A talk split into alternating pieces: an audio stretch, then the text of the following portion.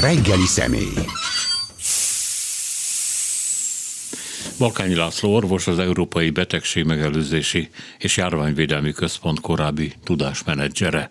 Jó reggelt kívánok! Jó reggelt önnek is, hallgatóknak is. Járványos környéke. Hát sajnos a környék nagy, az árnyéka is hosszú.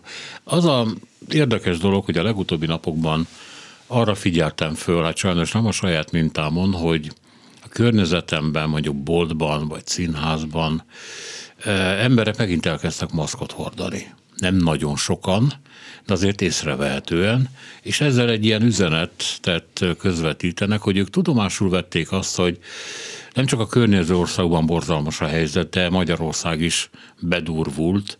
Épp azt olvasom, hogy a Reuters szerint kelet-európai régió a világ népességének 4%-át adja, de az összes ugyanan jelentett vírusfertőzött eset 20%-át mondják innen. Tehát Magyarország is nagyon komolyan veszélyeztetett státuszba kerül. Többen, akik az elmúlt napokban utaztak ki Magyarországról, hát így aggódva nézték, hogy az az ország, ahova mennek, még befogadja őket, mert ez is változik, hogy milyen színű kerülünk az átoltott országokhoz képest, mint például Portugália vagy Spanyolország, vagy még Nagy-Britannia is, ami hát éppen elég sok fertőzöttet produkál ebben a a esetben viszont azt se lehet tagadni, hogy ezzel együtt eléggé rendesen át van oltva. Hát a kettő együtt van valamilyen furcsa módon. Szóval ezt tapasztalja ön, hogy, hogy egy ilyen tudatos állampolgári viselkedés megjelent dacára annak, hogy az állam nem mond egy szót se, nem mondja, hogy hordjál maszkot, nem mondja, hogy legyél körültekintő, nem mondja, hogy ha nem muszáj, nem menjél tömött buszon, stb. stb. Hát én is örömmel látom, hogy újra erről kerültek a maszkok, de hát ez kevés ahhoz, hogy csökkenjen igazából a terjedés, hiszen ahhoz az kellene, hogy mind a két oldal és mindenki hordja a maszkot, tehát aki fertőz, vagy aki megfertőződhet, mm. akkor véd igazán a maszk. Sajnos erre nincs semmiféle felszólítás, vagy akár kényszerítés is, holott mindazok az országok, ahol ez a negyedik hullám már elindult korábban, földrajzi, történeti, mindenféle okokból, például Portugália nyáron a nyaralásokkal, ott ezekkel az intézkedésekkel sikerült megfogni igazán ezt a negyedik hullámot, sőt vissza is fordítani. Tehát nem egy országban már ezen túl vannak. Természetes, hogy az oltottság az alapvető, és azzal kell előre haladni. Minden oltott emberrel előbbre vagyunk. De ezzel együtt még mindig százezrek, milliók maradnak ezekben az országokban is oltatlanul, vagy más miatt viszonylag védetlenül, és ez ellen a, a szabályok betartása segít. Tehát például ezekben az országokban használják azt az ő védettségi vagy oltottsági igazolványukat, ami nekünk is van, de ott használva is van, tehát étterembe, szállodába úgy lehet menni, hogy ezt fel kell mutatni, és a maszkot is hordják, amire zárt térben és nagyobb tömeg esetén minden ok megvan. Tehát egyszerűen józan ész mellett nincs ok, hogy miért ne hordjunk egy járvány esetén maszkot. Ez így van, ezt tudom tanúsítani, hogy mondjuk a madridi metrón nem durván, mert ez a spanyol etikettől, tehát az egymással való közlekedés szabályától távol áll, de hogy fölhívják a másik figyelmét, és mutatják, hogy nincs rajtad maszk, tedd föl. Vagy a másik, hogy ez egy ilyen kedvenc példám, hogy mondjuk egy sörözőben, tehát egy bárban ül az ember, és azt látja, hogy valaki, tehát ha ülnek, akkor nem kell a maszk. Föláll, és oda megy egy újabb sörér a bárpulthoz. Ez három méter. És három méterre fölteszi a maszkot. Igen, ez mókásnak tűnik, holott van értelme, hiszen a pult lesz az a közös terület, ahol legtöbben előfordulnak. A pult lesz, ahova kiköhögöm, kiprüszkölöm azokat a cseppecskéket esetleg, amiben ott van a vírus. Bármennyire mókásnak látszik ez, nem, nem teljesen értelmetlen. Hát mókás volt, meg tiszteletre méltó. Így van. Egyszerre, így meg van. az ember így elgondolkodott azon, hogy hogy van ez a szabálykövető és szabálykerülő társadalmakkal, és hát láthatóan még a nagyon szabálytalannak mondott Portugáliában is az a helyzet, hogy betartják betartják ezeket a szabályokat. Nem mindenhol, nem mondom azt, hogy mondjuk Portóban ott a híd alatt a nagy alternatív bulikon azokon tele vannak maszkal, nincsenek, de azért ugye a közlekedés eszközök meg másod nagyon gyakori a maszk. Hát talán a bizalom is nagyobb abban, hogy az az intézkedés, vagy az a kérés, ami jön a hatóságok felől, jön az orvosok felől, hogy annak van értelme. Tehát ez egy kölcsönös viszony, egy társadalmi attitűd. Tehát azokban az országokban, ahol az emberek többsége szoktuk mondani, hogy az A terv szerint él, és nem a B terv szerint, ott az intézkedéseknek nagyobb a hatása. Hiszen ugye például Svédországban, ahol viszonylag kevés intézkedés volt a járvány elején, de az emberek eleve fegyelmezettek, és amit hoztak, azt viszont betartották, ez segítette őket, hogy a viszonylag kevés intézkedés ellenére sem volt akkora nagy járvány, így is jóval nagyobb volt persze, mint az ő környező országaikban, ahol a szigorúbb intézkedésekkel sok-sok halálesetet meg lehetett előzni. Tehát nem jó példaként hozom a svédeket, csak az attitűd miatt említem, hogy ott az emberek az A-terv szerint élnek, uh-huh. és mhm. nem, nem mindig a kikerülés vagy a megkerülést Hát igen, hát, és egy nagy csapda, nagy csapda ez, mert ha egy ilyen ö, szabálykerülő országban, ami hát történelmi okoknál fogva alakul ki, nem azért, mert ilyenek, ilyenek lettek az emberek, ott az állam előbb-utóbb rákényszerül arra, hogy durván szabályozzon. És ezzel egyébként egy olyan társadalmat, amelyik nem nagyon szereti, hogyha beleszólnak az ügyeibe, még inkább maga ellen fordít.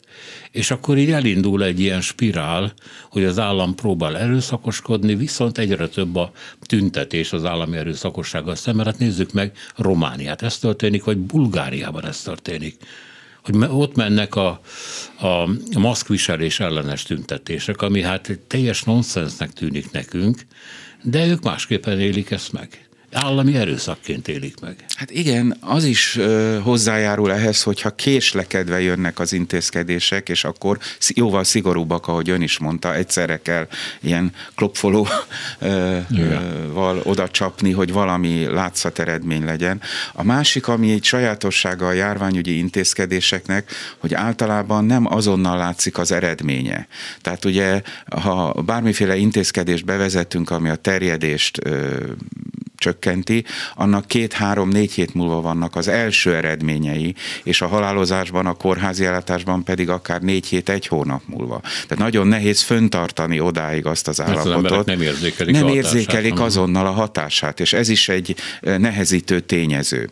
A másik pedig, ami eh, nálunk is egy nagyon komoly hiba, hogy az intézkedéseknek a hogy is mondjam, csak a granularitása, a szemcsézet, a területi szemcsé, részletessége nincsen bevezetve a gyakorlatba. Országosak az intézkedések nálunk, Igen. nem ott vannak, ahol érezhetően sok eset van. Tehát a legtöbb sikeresen védekező országban helyi a védekezés, tehát oda van adva a döntés a helyi hatóságoknak, és ahol még egy járvány elején kitör egy, akkor mikrojárványok még egy ilyen uh, helyi outbreak kitörés van, akkor ott helyben lehet intézkedni, helyben azonnal be lehet zárni az iskolát, mondjuk ez nem feltétlenül egy jó példa, vagy helyben azonnal be lehet tiltani a, az éjszakai, nem tudom én, bulikat, és akkor ennek ott helyben uh, tudják az emberek, jobban érzik az értelmét, hiszen a szomszéd is, a Józsi bácsi Marinéni, vagy annak a gyereke is beteg lett. Nálunk ez teljesen hiányzik a fegyvertárból, oly mértékben központosítva van a járványügyi intézkedés, hogy annak az egysége a Magyarország. Hát Magyarországon oly mértékben központosít, hogy a járvány sem lehet más. És hát ugye az elmúlt hónapokban folyton körül folyt a vita, hogy akkor mit szabad a, az iskolai igazgatóknak, mikor zárhatják be az iskolát, nem zárhatják be, csak akkor, hogyha engedélyt kapnak, hogy mi lesz a, a, mondjuk a tanárok oltásával, ahol szerintem semmiféle engedékenységnek helye nem volt, de hát a viták ebbe az irányba is elmentek, hogy akkor hogyan lázadunk a központ ellen, csak nem abban kéne lázadni, amiben, na mindegy. Szóval, hogy ez nagyon zavarosan alakult, és nem látom, hogy most jobb a helyzet. De hát ezek szerint ön sem. Egyetértek önnel, és azt is hozzá kell ehhez tenni, hogy vitatkozni lehet a központosítás meg a területi intézkedésekről, ez egy vita, de a másik vita az az idő tengely mentén zajlik. Tehát minden olyan esetben, ha az intézkedések központosítottak, akkor jóval lassabbak. Na most egy járványnál ez értelmetlen. Azért kell helyben dönteni, mert mire fölmegy az információ, megszületik a döntés, és lejön a, a, az intézkedés, addigra értelmetlenné válik. Tehát azt, hogy egy adott iskolában egy adott osztályt hazaküldök-e vagy sem, azt prompt akkor ott kell eldönteni. Azt nem lehet egy központból egy nap múlva, két nap múlva, három nap múlva, mert értelmetlen, értelmét veszíti. Ugye úgy indult a dolog, hogy nyár végén, hogy a kormány sem tagadta, hogy egy negyedik hullám valószínű.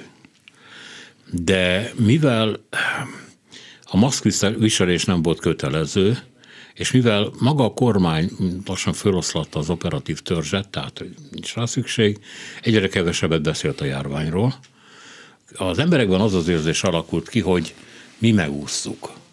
Tehát lehetett olvasni a médiában, hogy baj van Romániában, baj van Bulgáriában, vagy éppen Ausztriában, vagy Szlovákiában, de de ez a, a kormány hallgatása arra ösztönözte az embereket, hogy azt gondolják, hogy nálunk nincs olyan nagy baj. És most elég erős sok hatásként jelentkezik az, amit idéztem a Reuters-től, hogy Magyarországon durván nő az esetszám, és az utóbbi időben durván nőtt a halottak száma is. Ez egy illúzió volt akkor is, hogy mi megúsztuk, vagy jobban állunk. Semmivel nem álltunk akkor sem jobban, csak kevesebbet teszteltek kevesebb esetről tudtunk. Egyszerűen nem, ezt abból lehet egész biztosan tudni, hogy a halálozási és kórházba kerülési számok végig kicsit magasabban maradtak, mint előző évben.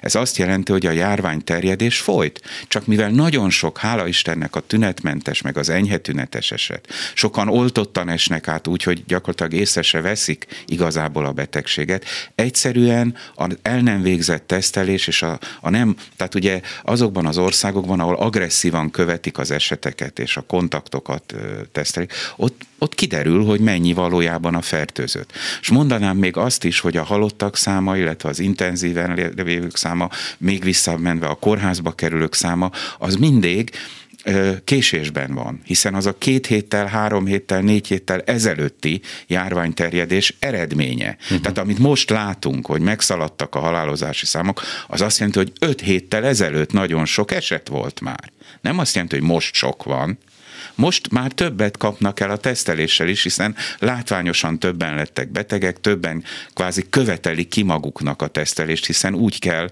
utána menni, nem, nincs az, mint egy számos országban, hogy például bizonyos munkahelyeken két hetente ajánlanak tesztelést, vagy mint Ausztriában, hogy ingyenes tesztelési lehetőség van, ha jól tudom, most nem követtem a legutolsó helyzetet, hiszen ez változik hétről hétre, hónapról hónapra, de a legtöbb országban elérhetőek ezek a módszerek és eszközök, amivel a lakosság tájékozódni tud. Nálunk, hát részben anyagi okokból is ez egyáltalán nem triviális. Tehát semmi igazság tartalma annak, annak nincsen, hogy mi jobban álltunk bármikor, mint a környező országok, hogy mi jobban megússzuk, mint a kör... Mit? Nincsen csoda, nem vagyunk izolálva. Az országok kinyíltak, jöttek, mentek az emberek, egy darab vírus közösségben élünk. Ebben persze területi különbségek vannak, regionális különbségek. Kelet-Európában kicsit másképp jönnek a hullámok, mint Nyugat-Európában, és Dél-Európában másképp jönnek, mint Észak-Európában, és az Egyesült Államokban más a dinamikája. De ez csak egyszerűen regionális regionális területi különbség. Nincsenek egyes ország, nem, nem ország, nem nemzeti a járvány. A járvány az nemzetközi. Ugye a vitákat megbonyolítja az is, hogy hogy a legfelsőbb bírósági szintre kerül az a, az a kérdés, hogy az oltási igazolványokkal együtt járó, tehát a meglévő oltási igazolványokkal együtt járó, hogy mondjam, csak előnyök, meg az oltásmentes embereknek a hátrányai, tehát egy bizonyos dolgokhoz, szolgáltatásokhoz, helyszínekhez nem juthatnak hozzá, hogy ez tartható-e. És hát ez visszaigazolta ez a szint, hogy ez a megkülönböztetés jogos lehet, de a TASZ meg a többi emberjogi szervezet ezt nagyon keményen vitatja, mert azt mondja, hogy több ember olyan betegségben szenved, hogy nem olthatja magát, vagy pedig hát mindenféle olyan súlyos következménye lehetnek, amivel nem szeretne számolni, és hát nem helyes, hogy ezeket az embereket viszont elzárjuk azoktól a lehetőségektől, amiket egy oltott ember megkap. Csak hát itt azért nagyon komoly meggondolások lépnek szerintem elő, hogy hát az egyéni, egyéni jogos meggondolások és szabadságok nem veszélyeztetik-e jobban a közösséget? Vagy ezen a ponton, vagy nem beszélünk annyi ember, hogy ez lényeges legyen? Hát ez egy nem fekete-fehér helyzet. Ugye ez attól függ, hogy milyen egy adott országban a társadalmi szerződés. Ugye idézőjeleket mutatok a levegőbe, amit a hallgató nem lát, de talán, a, talán érthető, hogy mire gondolok. Tehát hol milyen bizalom van a hatósági intézkedésekben, hogy tényleg csak akkor és azok számára hozzák, ahol ez feltétlenül szükséges. A másik pedig, hogy ki lehet egészíteni ezeket a e, intézkedéseket olyan lehetőségekkel, például a rendszeres teszteléssel, ami mégis megengedi nem oltottaknak bizonyos dolgokban való részvételt. Tehát számos módon lehet ezt finoman szabályozni, és egyeztetni a különböző csoportokkal, és föl kell arra hívni a figyelmet, hogy igen, van olyan, hogy közegészségügyi érdek, és van olyan, hogy meg kell védeni azokat, akik másképpen nem védhetők a többiektől.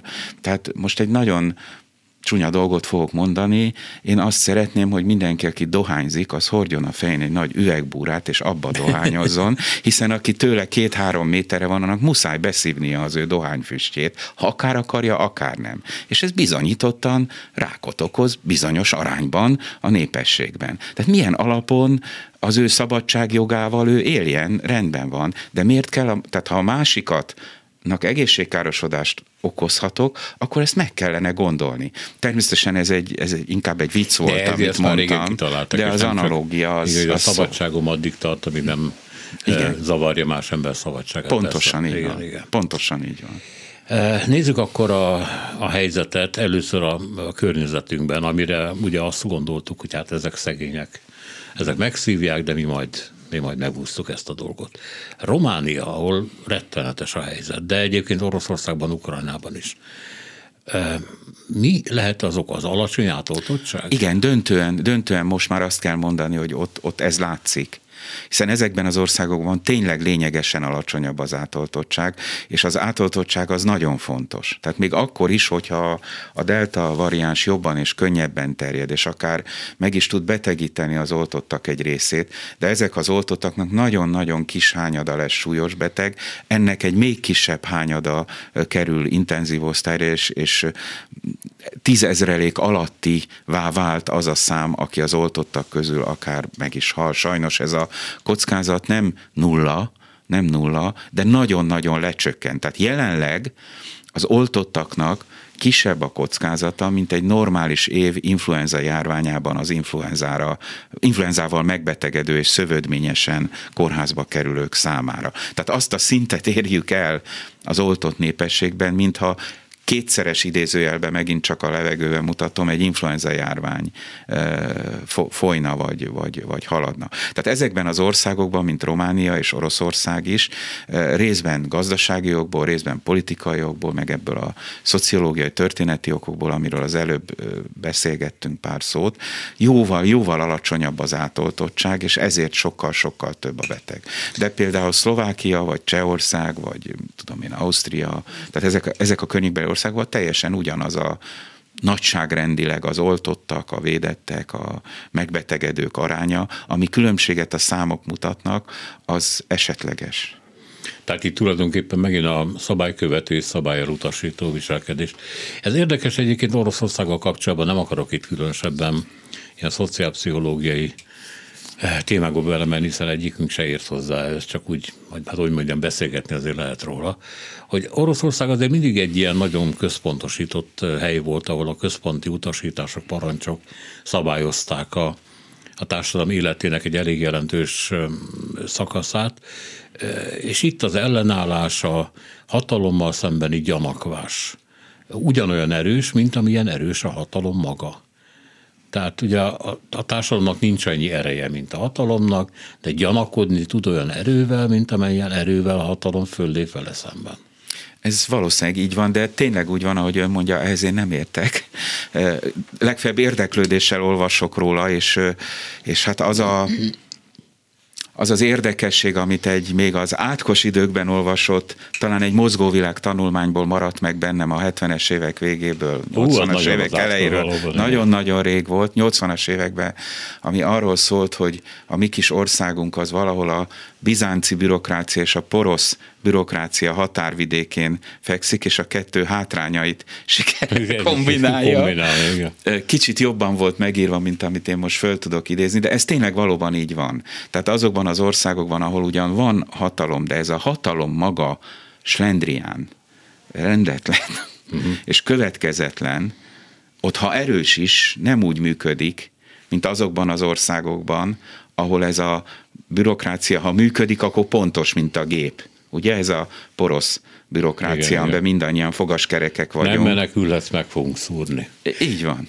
De az ember azért is gondolta, hogy Oroszország kicsit más, mert eh, hát azért eh, a Sputnik vakcina ott született meg, és eh, a szállítások leállítását Magyarországra többek között azzal is indokolták, hogy Oroszországnak szüksége van, hiszen a járvány terjed, és hát sokat kell gyártani, és amit, amit gyártanak, arra azt ott kell felhasználni. De én úgy látom, hogy mintha a Szovjetunió hiánygazdasága működne ma is, mert nem gyártanak eleget. Miközben azt azért önkritikusan meg kell mondanunk, hogy bár önhibákon kívül gyanakodtunk a Sputnikra, hiszen a dokumentáció ma se egészen világos, nem teljes, és ezért nincs is még európai engedélye. De nagyon működőképes vakcinának látszik. Hát amennyire utána olvastam, jelentek meg a WHO-tól és máshonnan szakmai, tehát az egészségügyi világszervezetől és máshonnan szakmai anyagok.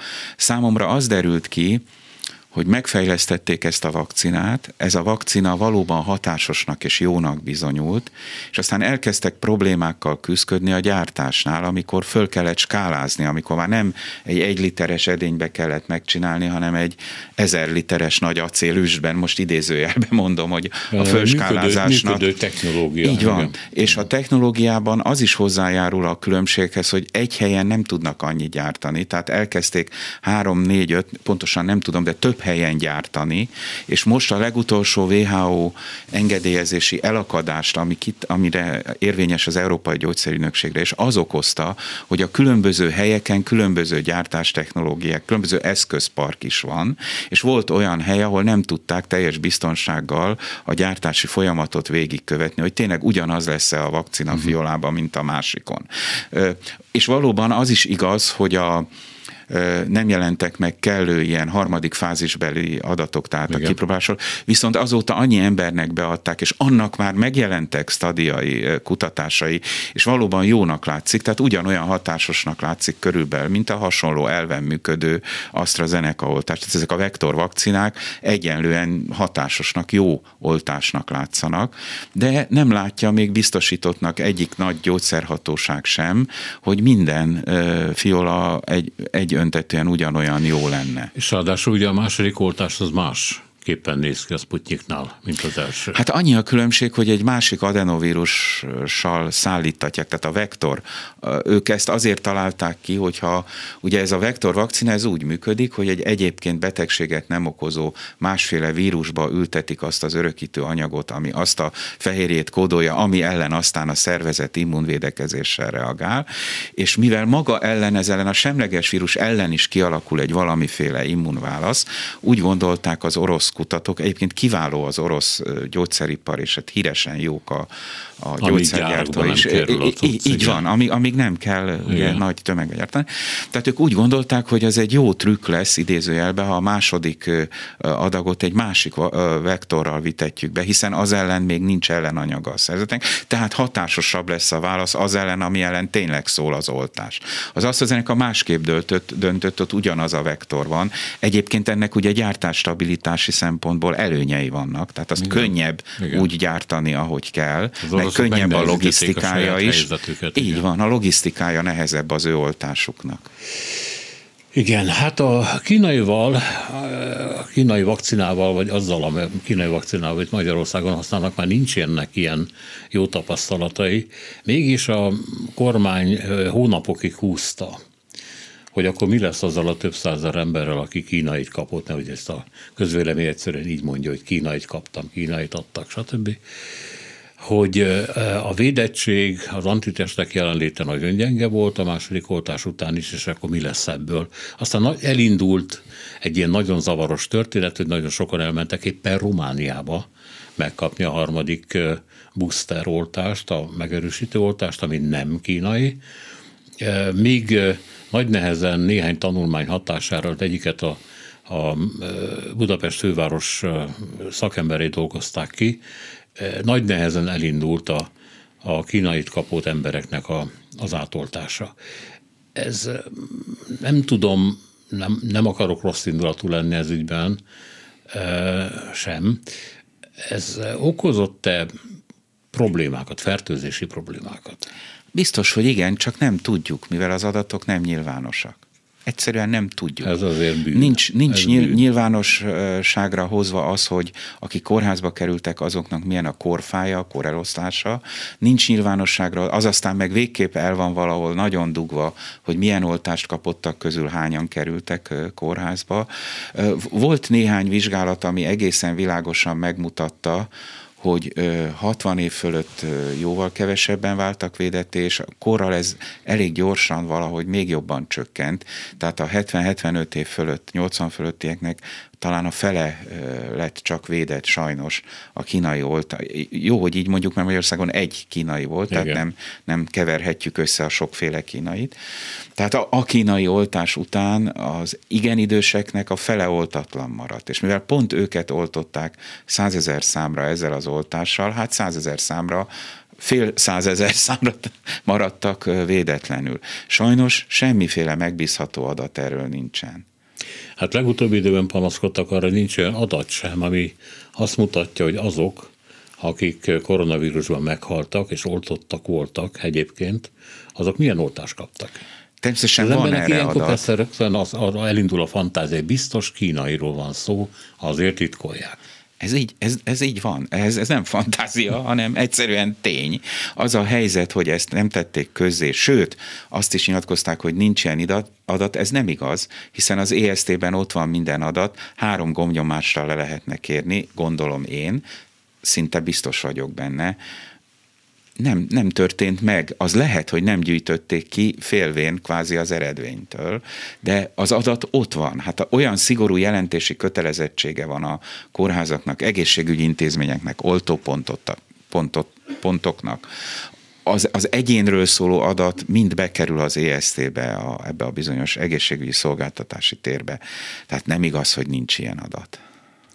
Hát ráadásul azt gondolom, hogy a hatalom és mindenféle hatalom azért szeret jól tájékozott lenni, tehát a maga számára ezt az adatgyűjtés biztos megcsinálja. Ha megcsináltatja, akkor létezik, akkor van. Akkor elő lehetne szedni, ha elő lehetne szedni. De hát nem lehet. Talán, Igen. ha még egy szót ehhez szólhatok, hogy talán az is hozzájárult, hogy ezt óckodnak közé tenni, hogy korábban, amikor ilyen-olyan nyomásra, vagy ilyen-olyan okból közzétettek bizonyos adatsorokat, akkor a független szakértői kör elég komolyan belekötött ezekbe az adatokba, mondván, hogy nagyon rossz minőségűek. Ugyanis az, a szám, amit közétesznek, az nem adat. Ugye adattá akkor válik a szám, hogyha a leíró adatai annak a számnak, az úgynevezett meta adatai pontosak. Tehát mondok egy érthető példát, hogy egy adott szám az milyen populációról szól, milyen népességről, milyen korúakról, mikor oltottakról, mettől, meddig, hol és mikor. Tehát ezek a leíró adatok hiányoztak ebből a korábban közétett adatsorból, és még Karikó Katalin is megszólalt, hogy Igen. hát tettem valami nagyon nem stimmel, mert ezek a metaadatok hiányoztak. Tehát ez lehet egy oka annak, hogy nem nagyon tesznek közé adatot, hogy ez a kritika akkor megint elő fog kerülni, hogy tessék akkor ennél egy kicsikét pontosabban bemutatni, hogy miről van szó. Ha már adatok, bocsánat, egy szolgálati közlemény, elnézést hallgatóktól is, arra kérem, hogy Selmec János jöjjön be, és hozzon nekem bizonyos adatokat, amikre majd szükségem lesz, köszönöm szépen. E, ennek, hát ezek után ugye elég nagy csodálkozás keltett, hogy e, Szijjártó miniszter bejelentette, hogy ezt a kínai vakcinát gyártani fogjuk Magyarországon. Én Tud is valamit? Nem, semmi. Pedig Ennél hangzik a dolog. Ennél többet nem tudok, semmit. Egyáltalán arról sem lehet tudni, hogy mit fogunk gyártani, mert ez többször előfordul, hol a kínai, korábban beszéltek az oroszról is, aztán magyar fejlesztésről. Van magyar fejlesztés?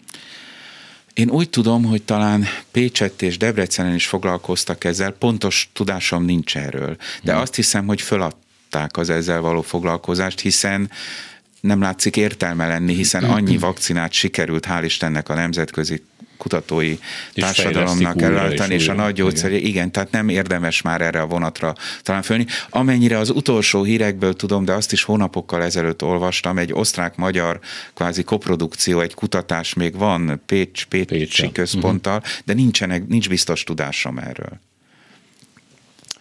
Hát, hát pont erről lenne. Igen, igen hát Magyarországnak Ez... egyébként van egy, volt egy jó, hagyományosan egy jó oltóanyagipara, egy bizonyos technológiára erre a bizonyos tojásokban előállított influenzoltás, mm. ez, ez jól működött, ez a technológia hát idejét múlt. Igen. Tehát ebben De ez a... kísérte végig az életünket a kádárizmusban. Igen, ez jó, jól is működött, és lehet vele jó vakcinát csinálni, de speciál most már látszik a gyakorlatból, hiszen eltelt már egy év szinte, hogy oltanak, hogy az új vakcinák jobban teljesítenek. Tehát a technológiailag új és modern vakcinák egyszerűen jobban jó, sokkal jobban teljesítenek. Akkor nézzünk egy másik vitát, ez az átoltottság vitás, ez ugye vitája. Ugye úgy kezdődött, hogy hogy erre mindenféle ajánlatok születtek, meg számítások, hogy akkor melyik vakcinára melyik másik lenne jó, és ez miért hatásosabb, akkor jött egy olyan eredmény, hogy például a Pfizerre a Pfizer újra egy ilyen 90%-os védettséget hoz, már úgy értem a harmadik, akkor ezt kontraszta a bizonyos európai tudós csoport, bocsánat, amerikai tudós csoportnak a véleménye, amelyik szintén elkezdte dicsőíteni a keresztoltásokat. És hát akkor megint előáll az ember fejében a tökéletes zavar, hogy amikor elmegy a booster oltásáért, akkor mit kérjen? Ugyanazt, mást, Igen. milyen mást, mire mást, és így tovább. Én azt gondolom, hogy ezt nem az embereknek kéne eldönteni.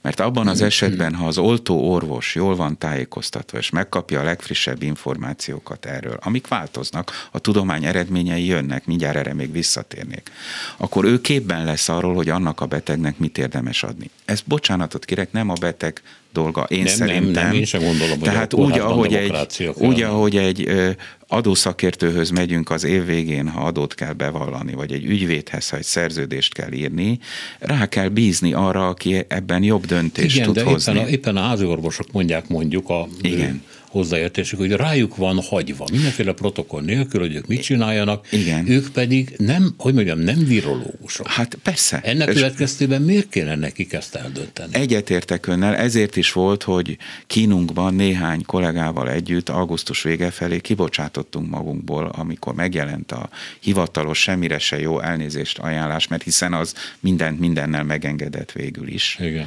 Pont azért, hogy kvázi maszkírozza ezt a kínai történetet ezért akkor néhányan összeálltunk, igazából többen, mint akik alá merték írni, vagy alá, megtehették, hogy aláírják, így fogalmaznék. És kijöttünk egy ajánlással erre, hogy a tudomány akkori állása szerint, amik már megjelentek tanulmányok, mi az, amit biztonsággal lehet ajánlani. És azt kell, hogy mondjam, hogy jó fogadtatása volt ennek, az orvoskamara közé tette, az orvos továbbképző szemlelek közölte, kollégáktól kaptunk személyes visszajelzést, hogy köszönik szépen, mert egy kicsit jobban tudnak tájékozódni. Na ennek a munkának kellene központilag minél erősebben és jobban folytatódni, hiszen jönnek az eredmények. Ugye amikor elkezdődött a harmadik oltás, és itt kanyarodnék vissza az ön által említett sokféle eh, dologhoz, amit lehet olvasni, ugye legelőször még csak arról voltak adatok, legeslegelőször, hogy azokban az országokban, ahol abba hagyták a, eh, a az egyik fajta oltást, mert bizonyos szövődmények miatt megijedtek tőle, és egy másik fajta oltást adtak második oltásnak, tehát a keresztoltás második oltás volt. Azokról kezdtek már tudományos adatok gyűlni, hogy az jól működik. Tehát itt arról volt szó, akik az asztrát kapták, és a trombózis veszély miatt megijedtek, országok ott elkezdtek ráadni Pfizer-t, és ez jól működött, tehát látszott, hogy jó védettséget. De nem a konkrét védettséget tudták még megítélni, hanem idézőjelben csak annak egy úgynevezett proxiát, egy, egy ráutaló valamit, ez a bizonyos antitest szint. Hiszen ahhoz, hogy arról adatot gyűjtsünk, hogy ez valóban hogy működik ez a harmadik oltás, hosszabb idő kell. Mert hosszabb ideig kell azt a populációt megfigyelni, hogy hányan fertőződnek, megkerülnek kórházba, lesznek súlyosan betegek. Az ellenanyag szintet hamarabb lehetett mérni. Ugye ez az állapot volt valamikor a nyár végén, ősz legelején, hogy erről már elég biztos adatok voltak, és el lehetett kezdeni a harmadik oltást, mert legalább azt tudtuk, hogy bajt nem csinálunk vele, inkább segítünk. És a helyzet azóta tovább javult, hiszen naponta jönnek az új eredmények, és már lehet tudni, hogy van értelme a boosteroltásnak. Először azok az adatok jöttek meg, ami a homológ sorokat, tehát a Pfizer, Pfizer, Pfizerre szóltak, hiszen egy gyógyszergyár inkább abban volt érdekelt, hogy ezt nézze, és arról gyűjtsön adatot. Semmi kétség, hogy az érdekeik vezénylik őket. Ez nem baj, csak én úgy kell szabályozást hozni, hogy csak az érdekeik... Kell, hogy így van. van Tehát most már lehet tudni, most már ilyen adatok is jöttek, épp talán tegnap olvastam egy portorikói nagyon nagy létszámú felmérésben, már a kórházba kerülésről van adat, hogy a harmadik oltás jól működik, legyen az keresztbe, hosszába a működik. Portorikó különben is kiemelkedő, egyik legjobban átoltott része. Igen, igen, igen. igen, a USA-nak. Igen, igen, igen. igen. Uh, igen, de most ezzel kapcsolatban persze mindenféle, szokás szerint mindenféle számok röpködtek, ez itt a hónapok számai, hogy akkor a, az emlékeztető oltást mikor érdemes beadni. Előkerült ez a negyedik hónap, ezt azt hiszem, hogy a kormány vagy a kormány tisztviselők használták, ugye ezt akkor beszéltük is, hogy miért négy? Hát mert valami számot kell mondani, és hát akkor miért ne négy? Aztán most azt hallja az ember, hogy hat. Hat hónap után érdemes ezt az emlékeztető oltást beadni. Csak az nem világos, hogy minden vakcina után-e, vagy pedig nem a vakcina számít, hanem az életkor. Mert ugye ön is említette, hogy minél idősebb valaki, annál könnyebben zuhan meg az antitest szint, vagy nem ezt mondta? Én inkább arról tudok beszámolni, hogy annál kevésbé alakul ki egyáltalán ja, védettség. Uh-huh. Tehát ö, olyan ö, kutatást nem láttam, hogy kortól függene a védettség elvesztése, olyat láttam, hogy a megszerzés nem olyan nagy arányú az időseknél. Nem is a elvesztés, hanem a leépülés. Igen, erre ezt értettem, így értettem, tehát a leépülés. Tehát azt kell mondani, hogy a legtöbb ilyen korai tanulmány, ezek a stadik, azok még kis létszámú betegen készültek, a dolog természeténél fogva annyit sikerült adat, adatgyűjtésbe végigvinni. Mostanában egyszerűen el kell telni valamennyi időnek, és ez mostanában van, nem nagyon régen, hogy nagy létszámú népességcsoportról lehet tudni már, hogy mi a helyzet. És ugye itt is beszélgettünk arról, hogy az első tanulmányok, az első eredmények nem konkrétan a védettségről szóltak, illetve a, annak a következményéről, tehát, hogy hányan betegszenek meg súlyosan, és kórházba kerülnek, és többi, hanem idézőben csak az ellenanyag szintről, ami enne, ezzel nem egyenlő.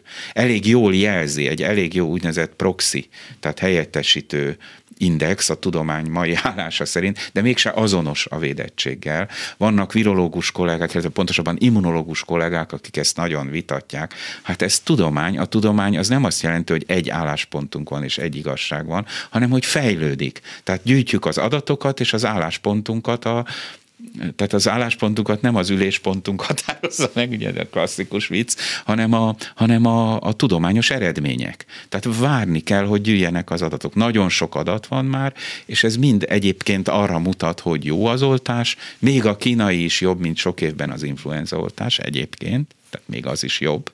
És amikor kezdődött a nagy oltásfejlesztési verseny, akkor bizony az oltásos szakemberek nagyon elégedettek lettek volna, ha tudják előre, hogy fél év múlva, egy év múlva lesz egy olyan oltás, ami annyira véd, mint az sokat szidott kínai. De ezzel együtt nem elég, és hát ha van jobb, és itt van, akkor miért nem azt adjuk? Hát eh, már nem merem megkérdezni, mert hát eh, ugye többször is kiderült ebben a beszélgetésben is, hogy mennyire mennyire nem osztja meg a hatalom az adatokat a tudós társadalommal sem, hát még a társadalommal, de ugye azért az azért egy elég fontos kérdés lenne, hogy amikor a harmadik oltásról beszélünk, akkor a roham, a kínai kapóknak a rohama volt ez ügyben, vagy ezen túlmenően is létezik egy emelkedő, növekvő igény arra, hogy a harmadik oltást megkapják, mondjuk hat hónappal a második után. Ez látható-e? Hogy a társadalomban vannak olyan csoportok, amelyek ebben érdekeltek, elmennek, utána néznek, megkapják. Én azt gondolom, hogy igen, de ez nem az ő döntésükön kellene, hogy függjön, hanem föl kellene nekik ajánlani. Tehát mind annak, és valóban a, a stadik, a, ki, a, a, a, a kísérletes hát eredmények... föl, hogyha gondolod, tehát akkor vedd föl. De ez, ez nem jól van így. Azt kellene mondani, mert ezt mutatják az eddigi kutatás eredmények, hogy hat hónap után indokolt a felvétele, tessék eljönni, fölvenni. És egyébként a lakosságnak az a tudatos része, aki, az, aki már az elején megrohamozta kvázi az oltópontokat, az el fog menni a harmadik oltásáért, és jól teszi. És a több, tehát mindenkinek el kéne majd mennie a harmadik oltásért, azt gondolom, mert a pillanatnyi állás szerint úgy látszik, hogy ez a hosszú távú védettségnek egyfajta záloga. Biztosan jobban járunk vele, mint ha nem vesszük föl. De hát ugye fölvetődik az a kérdés is, hogy mi a helyzet azokkal, akik át is estek közben a betegségen, azok már úgy állnak, mintha három oltásuk lenne, Igen. őket mikor kell oltani. Erre vonatkozóan meg kell várni, hogy a tudomány milyen eredményeket hoz, és ahhoz kell alkalmazkodni. Tehát én azt gondolom megint csak, bármennyire egyébként a világszemléletemmel ellenkezik, mert hogy én is úgy gondolom, hogy az egyén szabadsága jóval nagyobb kell, hogy legyen, mint amit ben például mi most élünk, de speciál ez azok a területekhez tartozik, ahol érdemes ezt valahogy hatóságilag támogatni, vagy előírni, vagy irányt mutatni, hiszen nem csak a saját egészségéről van szó, hanem a környezetéről is. Hát igen, be tudok számolni arról, amikor az államhatalom képes úgy viselkedni, mint egy szolgáltató, tehát például lejárt az útlevelem, és a BM engem erről értesített. És egy hosszú e, írásban kifejtették, hogy e, hány nap alatt milyen hány nap alatt lehet elérni egy útlevélnek a kiadását, van sürgős, nem sürgős, stb. És hova menjek, hol igényeljem, mit vigyek magam. Nagyon gondos atyaként elmondták nekem ezt a dolgot. Na de ezt egy útlevéllel kapcsolatban megcsinálják akkor miért írnak, írnak rám, hogy uram, ő megkapta a másodikat. De azóta eltelt hat hónap. Nagyon javasoljuk, hogy keresse fel az oltópontot, és vegye fel a harmadik oltását. Miért nem lehet ezt? Egyetértek önnel, miért nem lehet? De nem öntől kérdezem, persze ne haragudjon. de, de én is csatlakozom a kérdéshez, miért nem lehet ezt?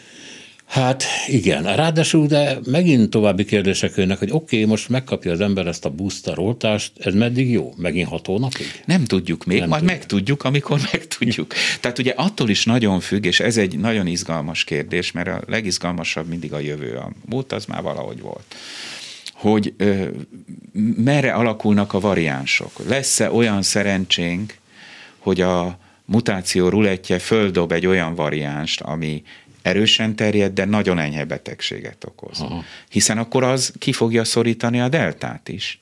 És, valahol, és akkor lesz vége a járványnak, mert akkor a náthával nem fogunk már törődni. Jön, jön a gyöngék győzelm az erősek fölött. Igen, hiszen minden nagy járvány véget ért, a spanyol nátha annak idején véget ért. Ugye ez két dolog kell, elfogjanak a megfertőzhetőek, hát nagyon sokan meghaltak akkor, meg bet, nagyon betegek lettek, de végül is mégis azért múlt el a járvány, mert elgyengült, idézőjelben megint mutatom a levegőbe az idézőjeleket, hogy elgyengült a vírus.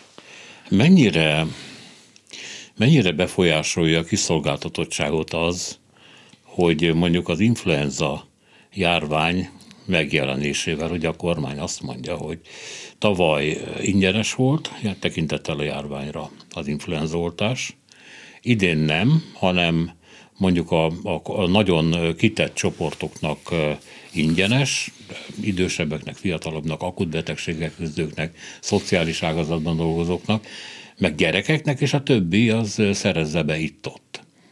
Ha, ha jól gondolom, itt van azt hiszem egy félreértés, nem vagyok benne biztos. Igen. De úgy tudom, hogy eddig, és talán most is minden évben az állam beszerez nagyságrendileg körülbelül egy milliónyi 1,3, 1,4, 1,5. És ezt az oltást, ezt ingyen odaadja az általa rászorultaknak gondoltaknak. Igen. De viszont tavaly, tavaly előtt a nagyobb felhajtás miatt rácuppantak erre az emberek, és ez a bizonyos ingyenes ö, oltás hiányos, tehát elfogyott, megrohanták érte, vagy nem volt hozzáférte. Bizonyos helyeken biztosan így volt, tudom. És lehet, hogy most az ez elleni ö, kvázi valamiféle védekezési reakció, ez a De, én úgy tudom, hogy most is ugyanannyi és ugyanazoknak jár az ingyenes, Igen. mint korábban, csak az optikája más, ahogy erre rá, rátekintünk, mert most többen cuppannának rá. Sokan az elmúlt években, tehát a járvány előtti időszakban nem foglalkoztak az influenza járványjal, és nem, nem Igen, ez most úgy ötődik föl, hogyha én nem kapom meg az Igen. oltásomat, influenza elleni oltásomat, Igen. akkor én kitettebb vagyok-e a vírusnak? A melyik Már, vírusnak? Hát a Covidnak? Covidnak, igen. Nem, semmi köze a dolognak. Nincs közvetlen köze Aha. egymáshoz. Jó, de nem biztos, hogy mindenki fejében így van. Ez tudomány, tehát a, a két vírus egész más jellegű vírus, más receptoron támad, más látszólag hasonló tünetei Igen, de vannak, a tavaly de... azt mondta a kormány, hogy Igen. pandémia van. Igen. Most te a, a az influenza vírus ellen ingyen megkapod az oltásodat, akkor az emberek fejében ez óhatatlanul és normálisan, logikusan kötődött össze a kettő.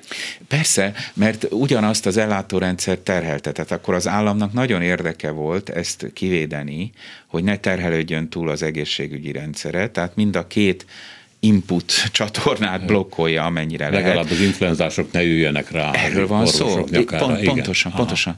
És ráadásul ugye akkor voltak védekező intézkedések érvényben, nem is lett influenza járvány, gyakorlatilag nulla volt, most nyilván több, de, de gyakorlatilag mégis nulla. Hiszen maszkot hordtak az emberek, hiszen egy időszakban otthon kellett ülni, és így tovább, és így tovább.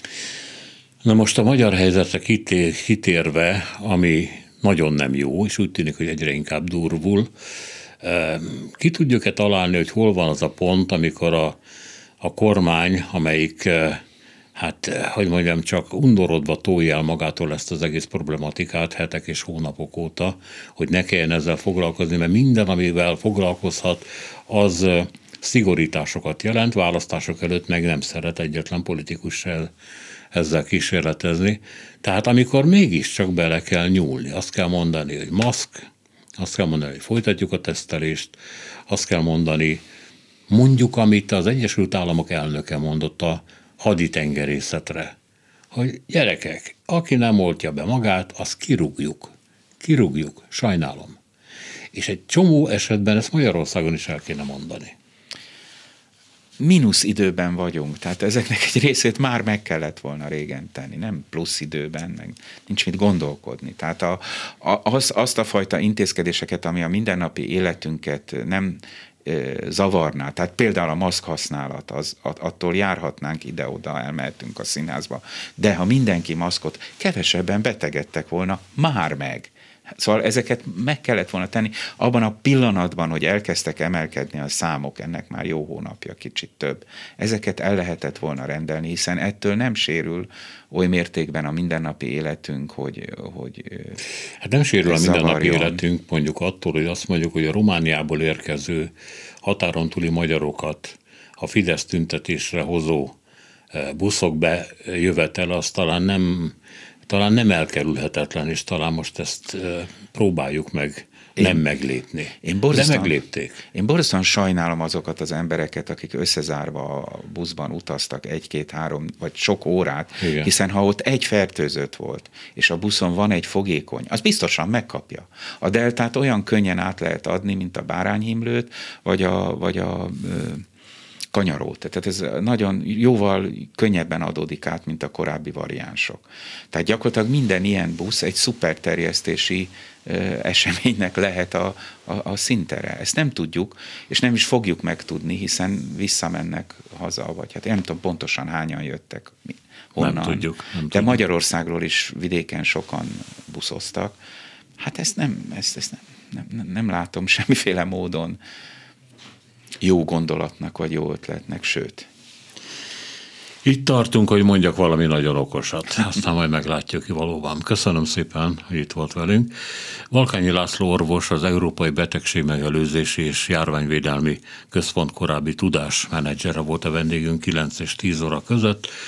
Hölgyeim és uraim, Zsidai Péter, Csorba László, Ricsovics Kinga, Priátyel Bence, Selmec János és Szénási Sándor Köszönjük az önök figyelmét, minden jót!